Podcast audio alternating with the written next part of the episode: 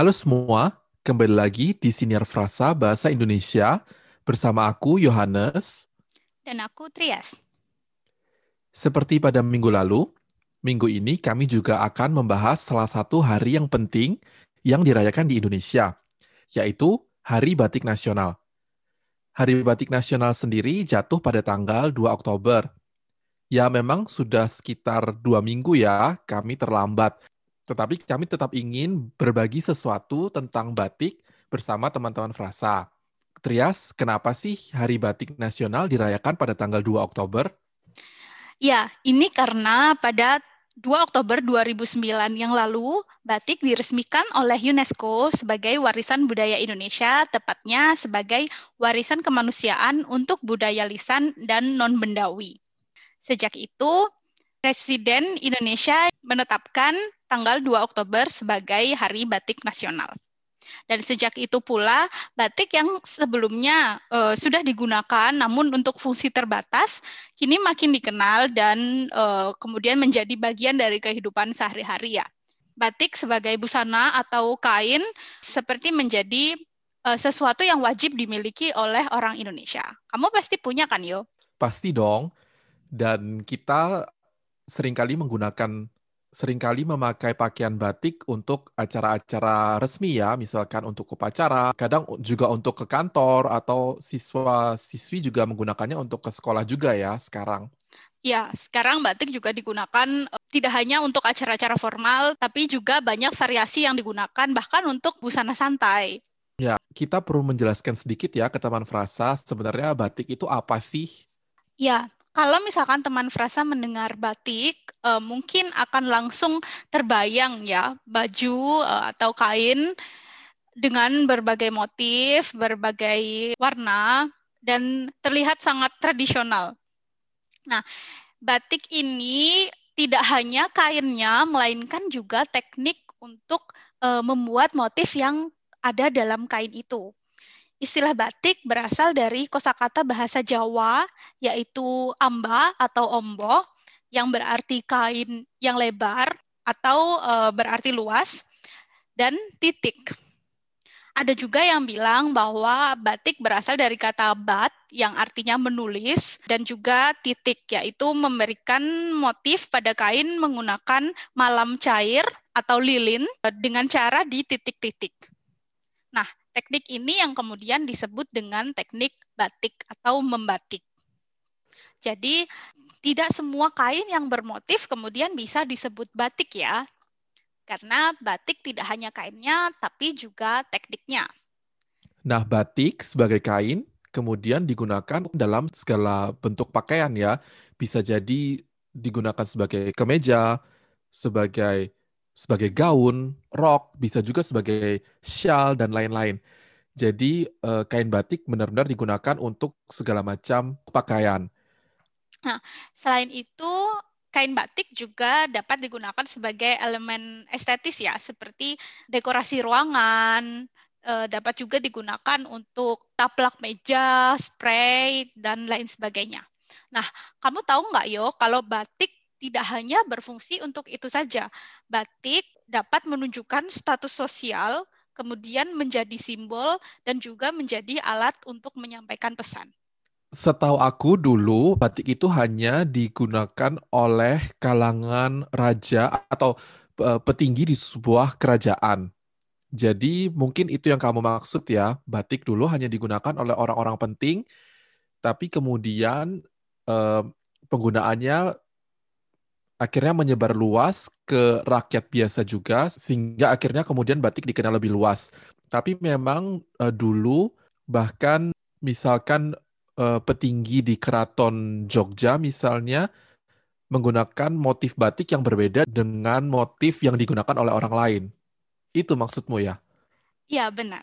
Jadi motif yang berbeda-beda ini juga memiliki makna yang berbeda-beda yang menunjukkan status sosial pemakainya dan juga dapat menyampaikan pesan dilihat dari makna motif uh, kain itu. Nah, seperti yang kamu sebutkan tadi, batik awalnya hanya digunakan uh, untuk pakaian raja atau keluarga kerajaan.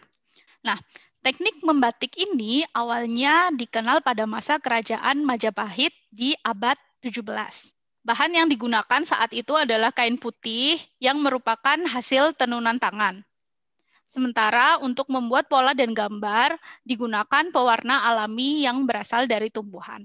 Awalnya, kegiatan membatik ini hanya dikerjakan di istana oleh pengrajin perempuan saja pada masa itu. Kemudian, pekerja kerajaan tinggal di luar keraton. Mereka kemudian membawa pekerjaan mereka ke rumah dan akhirnya kegiatan ini lama-kelamaan dilihat oleh masyarakat dan akhirnya ditiru oleh mereka. Jadi saat ini membuat batik dapat dilakukan oleh siapa saja. Nah, di awal sejarah batik tersebut akhirnya menyebar luas ke seluruh penjuru kerajaan lain tidak hanya di Majapahit, namun juga di Kerajaan Mataram, Kerajaan Demak, dan kerajaan-kerajaan setelahnya yang membuat batik ini tidak hanya sebagai simbol simbol budaya, tapi juga identitas dan itu tadi alat penyampaikan pesan. Wah, menarik ya. Nah, batik ini sekarang sudah ada banyak jenisnya. Dulu awalnya batik hanya ada satu jenis, yaitu yang disebut dengan batik tulis. Batik tulis dibuat dengan cara menghias kain dengan tekstur menggunakan tangan. Nah, pembuatan batik tulis ini bisa memakan waktu hingga 2 sampai 3 bulan. Sangat lama kan? Sehingga akhirnya muncul teknik-teknik baru untuk membuat batik. Misalnya ada yang sekarang disebut dengan batik cap atau batik lukis. Nah, batik cap sendiri digunakan tentu saja menggunakan cap yang biasanya dibuat dari tembaga. Pembuatan batik cap jauh lebih cepat, yaitu cukup memakan waktu 2 sampai 3 hari. Tetap lama ya sebenarnya. Ya, eh, pembuatan batik memang tidak bisa instan ya. Walaupun pembuatannya lama, batik tulis tetap menjadi primadona karena otentik. Cara pembuatannya masih manual sehingga memerlukan waktu yang lama seperti yang Yohanes sebutkan tadi, bisa sampai berbulan-bulan. Itu hanya untuk membuat satu kain saja ya. Jadi perlu ketelatenan dan kesabaran. Seperti kata pepatah, sedikit-sedikit lama-lama menjadi bukit. Banyak sekali tahapan yang harus dilalui, yang harus dilakukan untuk membuat satu kain batik. Nah, seperti yang sudah disinggung sedikit tadi ya, pembuatan batik tulis adalah dengan lilin dan juga alat yang disebut dengan canting yang gunanya untuk menggambar motif di kain dengan lilin yang sudah dilelehkan. Proses pertama untuk membuat batik tulis yaitu membuat pola di atas kertas, kemudian dipindahkan ke kain. Setelah itu, lilin yang sudah dilelehkan tadi dilekatkan ke kain dilanjutkan dengan menyelesaikan seluruh gambar yang ada di kain itu mengisi dengan ornamen-ornamen yang diperlukan. Nah, tidak selesai di situ. Masih perlu memberikan warna, kemudian juga menutup bagian latar pola yang tidak perlu diwarnai, dan diakhiri dengan proses meluruhkan kain dengan memasukkannya dalam air mendidih kemudian diangin-anginkan sampai kering. Nah, proses ini tergantung pada banyaknya warna yang diperlukan. Jika satu kain memiliki banyak warna dan juga banyak ornamen, semakin banyak proses yang harus dilakukan.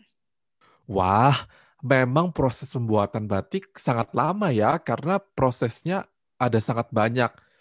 Nah, tadi kamu sebutkan untuk membuat batik, kita perlu menentukan motif, lalu menentukan warna. Nah, motif batik sendiri bisa bermacam-macam ya. Dari yang aku tahu, motif batik banyak yang terinspirasi dari alam. Misalkan berbentuk bunga atau tanaman, juga bisa berbentuk hewan. Ada juga banyak pengaruh asing, misalkan ada pengaruh dari Cina sehingga uh, ada banyak corak burung phoenix dan warna merah. Ada pengaruh dari Eropa sehingga muncul motif bunga tulip dan lain sebagainya. Ya, selain itu, kamu tahu nggak kalau awalnya motif batik itu terinspirasi dari kejadian-kejadian di sekitar kerajaan. Jadi, seperti uh, relief pada candi, batik juga uh, memiliki motif yang menggambarkan kejadian pada saat itu. Seperti misalkan menggambarkan kehidupan di kerajaan, menggambarkan kehidupan para dewa yang dipercaya pada masa itu, dan juga kejadian-kejadian alam yang seperti tadi kamu sebutkan, misalkan bagaimana kehidupan bunga, kehidupan burung, bahkan hasil laut seperti ikan. Nah, sejarah batik yang kami bahas tadi itu sejarah batik di Jawa ya, di kerajaan yang ada di Nusantara pada masa itu. Namun teknik ini juga dimiliki oleh daerah-daerah lain bahkan negara lain. Contohnya di Indonesia tidak hanya ada batik Jawa, tapi juga ada batik Madura, batik Bali, dan batik-batik dari daerah lain. Ciri khasnya berbeda-beda dan motif yang dimiliki juga berbeda-beda. Contohnya eh, pada batik Bali dan batik Madura berbeda dengan batik Jawa yang polanya teratur dan dengan warna yang kalem. Batik-batik ini memiliki warna yang terlihat tegas dan berani. Lebih cerah warnanya, jadi seperti merah, kuning, dan biru. Kemudian motifnya juga cenderung tidak simetris atau tidak teratur. Nah, penyebaran batik tidak hanya berhenti di Nusantara ya. Setelah kerajaan-kerajaan di Indonesia banyak menggunakan batik, tentu teman frasa tidak lupa bahwa akhirnya Belanda datang ke Indonesia. Belanda waktu itu juga akhirnya mulai mengenal batik di Indonesia dan mereka juga ingin membuatnya dengan teknik yang lebih maju dengan mesin sehingga tidak perlu terlalu banyak tenaga. Saat itu akhirnya Belanda membawa batik ini ke tempat pelabuhan perdagangan mereka di Afrika Barat. Dan pada saat itu negara-negara di Afrika Barat mulai tertarik dengan batik ini sehingga akhirnya mereka mengembangkan teknik mereka sendiri untuk membuat batik. Tapi tentu saja tetap terinspirasi dari batik yang berasal dari Indonesia. Nah, teknik yang mereka gunakan untuk membuat batik tidak seperti di Indonesia yang menggunakan lilin, tetapi mereka menggunakan teknik lain untuk membuat motif dan uh, mewarnai kain tersebut.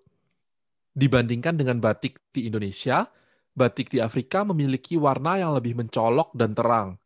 Selain itu, ukuran motifnya juga besar dan tidak terlalu rapat. Umumnya tidak memiliki isen-isen atau motif kecil yang biasanya digunakan sebagai pengisi di antara dua motif batik. Selain di Afrika Barat, kira-kira batik juga dikenal di negara mana lagi sih? Oh iya, aku jadi ingat waktu itu batik sempat ramai ya karena diklaim oleh Malaysia dan juga Cina. Teknik yang digunakan uh, di Malaysia dan Cina ini bisa dibilang mirip. Di Cina ada juga alat yang mirip dengan canting yang digunakan untuk melukis di atas kain. Namun tidak dapat dipastikan apakah teknik yang mereka gunakan ini dipengaruhi oleh batik Indonesia atau tidak. Batik Malaysia biasanya tidak menggunakan makhluk hidup sebagai motif batik karena ini berkaitan dengan hukum Islam. Sementara di Cina, motif dan kain yang digunakan juga berbeda. Tidak hanya itu, di negara-negara Asia lain seperti di India dan Sri Lanka juga memiliki kain-kain bermotif yang tekniknya juga uh, sama, namun tidak menggunakan lilin, melainkan menggunakan pasta tepung. Jadi jadi tidak hanya di Indonesia saja ya, banyak sekali negara-negara yang memiliki teknik untuk menggambar motif di kain. Walaupun tentu saja ada perbedaan dari setiap teknik dan motif yang dimiliki. Wah, bercerita tentang batik memang sangat seru ya. Nah, bagaimana dengan di negara tempat tinggal teman Frasa? Apakah ada teknik membuat kain yang juga menarik?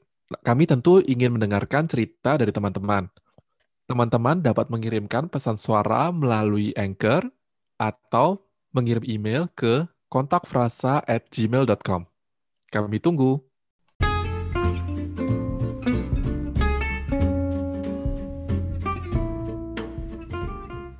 Ungkapan minggu ini.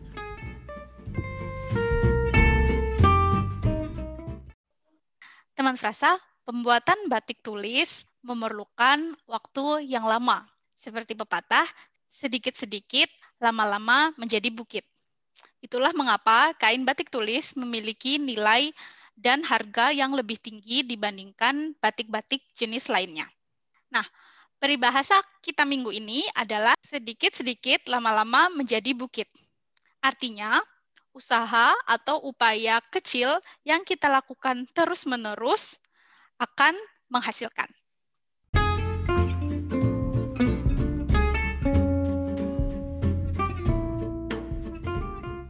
Rekomendasi minggu ini.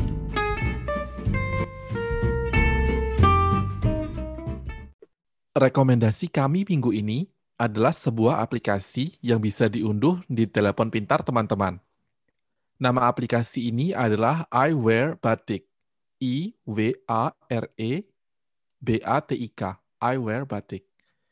Aplikasi ini adalah buatan seorang mahasiswa doktoral dari Indonesia yang sedang menyelesaikan studinya di Swiss di bidang warisan budaya non-bendawi dalam mode dan pariwisata.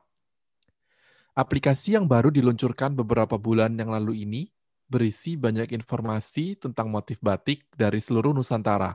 Aplikasi ini juga dilengkapi fitur deteksi motif batik.